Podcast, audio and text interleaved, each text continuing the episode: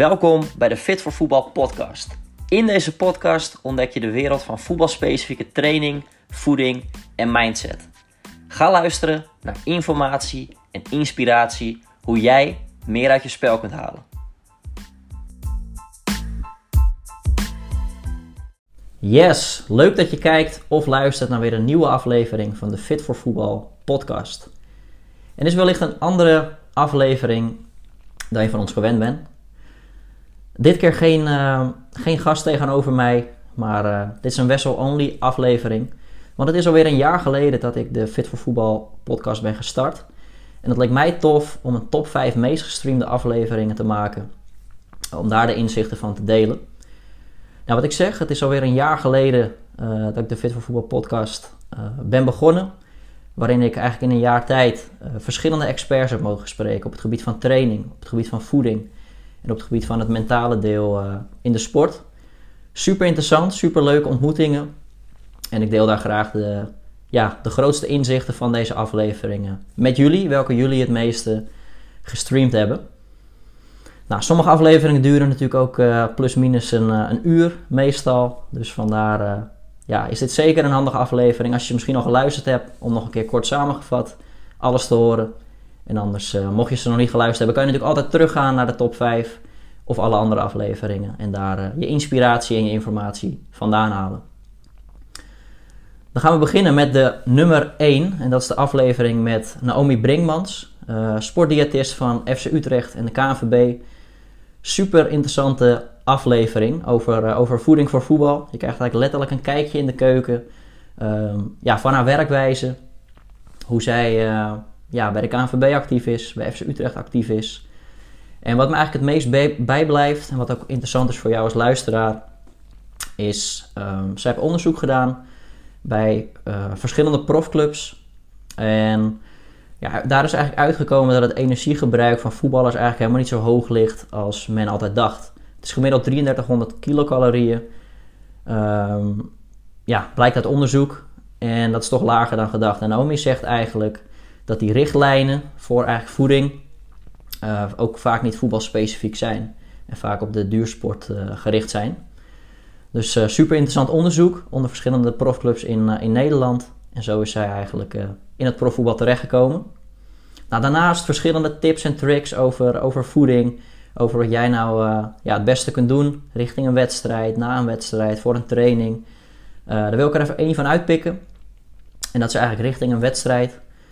Nou, Naomi zegt, je kan het beste eigenlijk uh, ja, train low en compete high. Wat ze daarmee bedoelt, is dat je in lage calorieën, of uh, lage koolhydraten, sorry, uh, de, de week start en zo dat richting de wedstrijd opbouwt.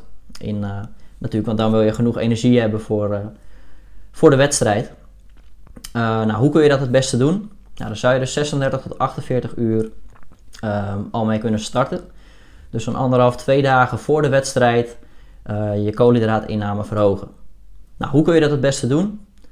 Stel je eet altijd al muesli bij het ontbijt bijvoorbeeld. Nou, dan neem je wat eetlepels extra. Dus verhoog je inname. Stel je eet brood, verhoog inderdaad je broodinname. En zo stapel je dat richting, uh, richting de wedstrijd. Want zij zegt ook, als je inderdaad ook met een lage capaciteit um, traint aan koolhydraten, dan train je daarmee ook je lichaam om ja, beter met energie om te gaan. Wat natuurlijk ook weer nuttig is in de wedstrijd. Dus uh, ja, ga zeker aan de slag met, uh, met die tips. En voor nog meer verdieping, ja, ga zeker terug naar aflevering 8, waarin ik ja, in ruim een uur Naomi interview en je nog veel meer tips en tricks leert. Maar het is nu tijd om, om over te gaan naar de nummer 2. Op nummer 2 staat hoogleraar sportpsychologie Nico van Iperen. En met Nico, daar was ik op bezoek in Groningen toffe podcast mee opgenomen. Eigenlijk over het mentale, het belang van mentale training binnen sport. In dit geval natuurlijk binnen voetbal. En wat mij eigenlijk het meeste bijblijft, wat ik een beetje als tekenwees naar jullie wil delen, um, ja, dat Nico heel veel schrijft ook over, ja, kijk goed waar je wel en niet controle over hebt. Uh, control the controllable, zegt Nico dan. Dus stel, um, ja, er gebeurt iets in de wedstrijd of je eh, de VAR beslist iets, als je natuurlijk op een bepaald niveau speelt. Uh, ja, dan kan je daar op dit moment natuurlijk niks meer aan doen. Je zal inderdaad bij je taak moeten blijven en je niet laten afleiden door externe gedachten. En blijf dus echt bij je taak. Dat is de belangrijkste boodschap daarin. Daarnaast met Nico gehad over uh, in scenario's denken. Want je hoort het een trainer zeggen, zei Nico, uh, na de wedstrijd: van nou, ehm, we kwamen heel snel 1-0 achter of 2-0 achter en alle scenario's konden de prullenbak in. En Nico zegt: nee, dat kan je gewoon bedenken. Je kan van tevoren, bijvoorbeeld een week voor de wedstrijd, zou je al kunnen inbeelden van wat doen we als team als we 1-0 achterkomen? Wat voor uh, gameplan maken we dan? Hoe, hoe gaan we dan spelen? Je kan al in scenario's denken. Je kan natuurlijk niet alles voorspellen. Sommige uh, dingen gebeuren nou eenmaal, maar dat je wel nadenkt over dat wat er straks gaat gebeuren. En met wat voor afloop en hoe je, hoe je daarop gaat reageren. Nou, daarnaast had Nico onderzoek gedaan, eigenlijk in de tijd van Van Gaal nog bij Ajax, een tijdje geleden natuurlijk, uh, naar talentontwikkeling. En met als onderwerp eigenlijk welke talenten halen het wel en welke halen het niet.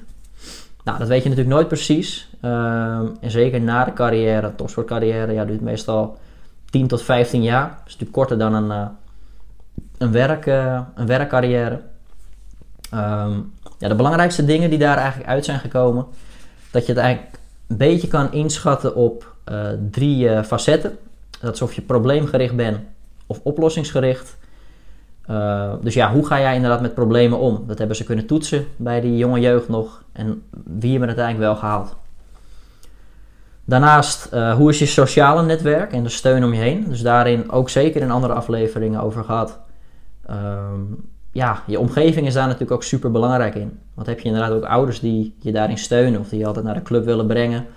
Um, ja, heb je een goede omgeving? En dat is denk ik ook super belangrijk inderdaad of je het wel of niet haalt. En als derde punt is eigenlijk de intrinsieke drive. Um, ja, je kan iets willen. Van oké, ik wil bijvoorbeeld voetbal worden of ik wil op een bepaald niveau spelen. Maar wil je het ook echt? Dus de echte, echte drive. Dat zag hij daar wel heel duidelijk in terug. Dat in dat onderzoek in ieder geval uh, heel duidelijk naar voren kwam. Dat dat wel de, ja, een van de belangrijkste eigenschappen zijn. Uh, maar goed, daarin heb je natuurlijk wel weer individuele verschillen. Sommige ook wel per toeval natuurlijk toch uiteindelijk toch nog prof geworden. Uh, maar goed, je kan natuurlijk ook geblesseerd raken. En dan kan je inderdaad wel de echte drive hebben, de, de intrinsieke motivatie, de steun, et cetera. Maar ja, dan haal je het natuurlijk alsnog helaas niet. Maar daar had hij een, ja, een aardig beeld ingegeven. Dus ja, wil je daar meer over leren, over mentale training, ga dan zeker terug naar, naar deze aflevering, aflevering 11 met hoogleraar sportpsychologie Nico van Iperen. Dan op nummer 3, meest gestreamd, Paul Lammers over hoe jouw persoonlijke trainingsplan wordt gemaakt bij Fit voor Voetbal. Nou, dat is natuurlijk met onze eigen performance specialist Paul Lammers, die, uh, die je meeneemt eigenlijk met een kijkje achter de schermen bij, bij Fit voor Voetbal. Misschien ken je Fit voor Voetbal alleen nog van de podcast of van ons Instagram account. Maar in de basis zijn wij een online programma. We begeleiden voetballers aan, uh, ja, we helpen ze aan meer kracht, uithoudingsvermogen en snelheid in hun spel. Dat doen we door middel van ons online programma. Dus daar, uh, daar kun je je zeker voor aanmelden. Uh, wil jij inderdaad met een doelgericht plan de gym in of thuis trainen? Ja, ga dan naar www.fitvoorvoetbal.nl en meld je aan. Maar dan over deze afleveringen. We gaan, of over deze aflevering. We gaan terug naar eigenlijk het begin van Fit voor Voetbal. Uh, hoe het eigenlijk is ontstaan. Uh, nou, voor dat verhaal kan je het beste naar aflevering 1. De allereerste aflevering waarin ik uh, mijn verhaal met jullie deel. Maar in deze aflevering um, ja, ontdek je dus hoe wij achter de schermen jouw plan maken. En eigenlijk de belangrijkste samenvatting is dat we echt gaan kijken naar jouw situatie. Dus ben je bijvoorbeeld beginner of ben je gevorderd? Wat is bijvoorbeeld je geslacht? Uh, wat is je lichaamsbouw? wil je in de gym of thuis trainen? Allerlei vragen, ook over je doelstelling. Ja, allerlei vragen om jou zeg maar in te schalen van hoe sta je er nu voor? Waar wil je aan werken? En daar krijg je dan een persoonlijk plan voor. Want ja, zeker in de coronaperiode melden zich ja, natuurlijk veel voetballers en voetballers zich aan voor de, ja, de thuisvariant. We boden altijd al de optie aan om, uh, om thuis te trainen. En uh, ja, je kan dus kiezen of je in de gym of thuis wil, maar toen kon je natuurlijk alleen maar thuis trainen. En ook wel een veelgestelde vraag toen was, um, ja, verwerken jullie daar ook nog materiaal in of is het allemaal alleen maar met eigen lichaamsgewicht? Nou, beide. Uh, in de basis is het een bodyweight programma. Maar je kunt ook zeker materiaal inbrengen, ook weer in de intake. Dus daarin maken we het natuurlijk heel, heel persoonlijk. We zoeken ook nog naar externe weerstanden, even wat je thuis hebt. oefeningen die je met een tafel of met een stoel kan doen. Of met een zware tas die je, die je vastpakt. Dus zo kun je zeker thuis trainen. En elke maand staan daar, staan er nieuwe schema's voor je klaar. Dus ja, mocht je nog niet gestart zijn, ga dan zeker naar www.fitvoorvoetbal.nl en start jouw plan. Dan op nummer 4. Weer een aflevering met Paul Lammers. Ook die is goed gestreamd door jullie het afgelopen jaar. En het ging over hoe kan ik sneller en explosiever worden. Nou, ook logisch dat deze een van de meest gestreamde is, omdat het ook binnen ons online fitnessprogramma ja, de meest gekozen doelstelling is, uh, denk ik wel, van, uh, van deelnemers. Dus uh, ja, logisch dat daar heel veel interesse in is. Want ja, hoe kun je nou echt sneller en explosiever worden? Hoe kun je daar nou aan werken, bijvoorbeeld in de gym of thuis qua fysieke training? Nou, het belangrijkste om daarin mee te geven um, van deze aflevering. Kijk, voor de beste tips kun je echt het beste naar de aflevering toe gaan. Aflevering 7 is dat.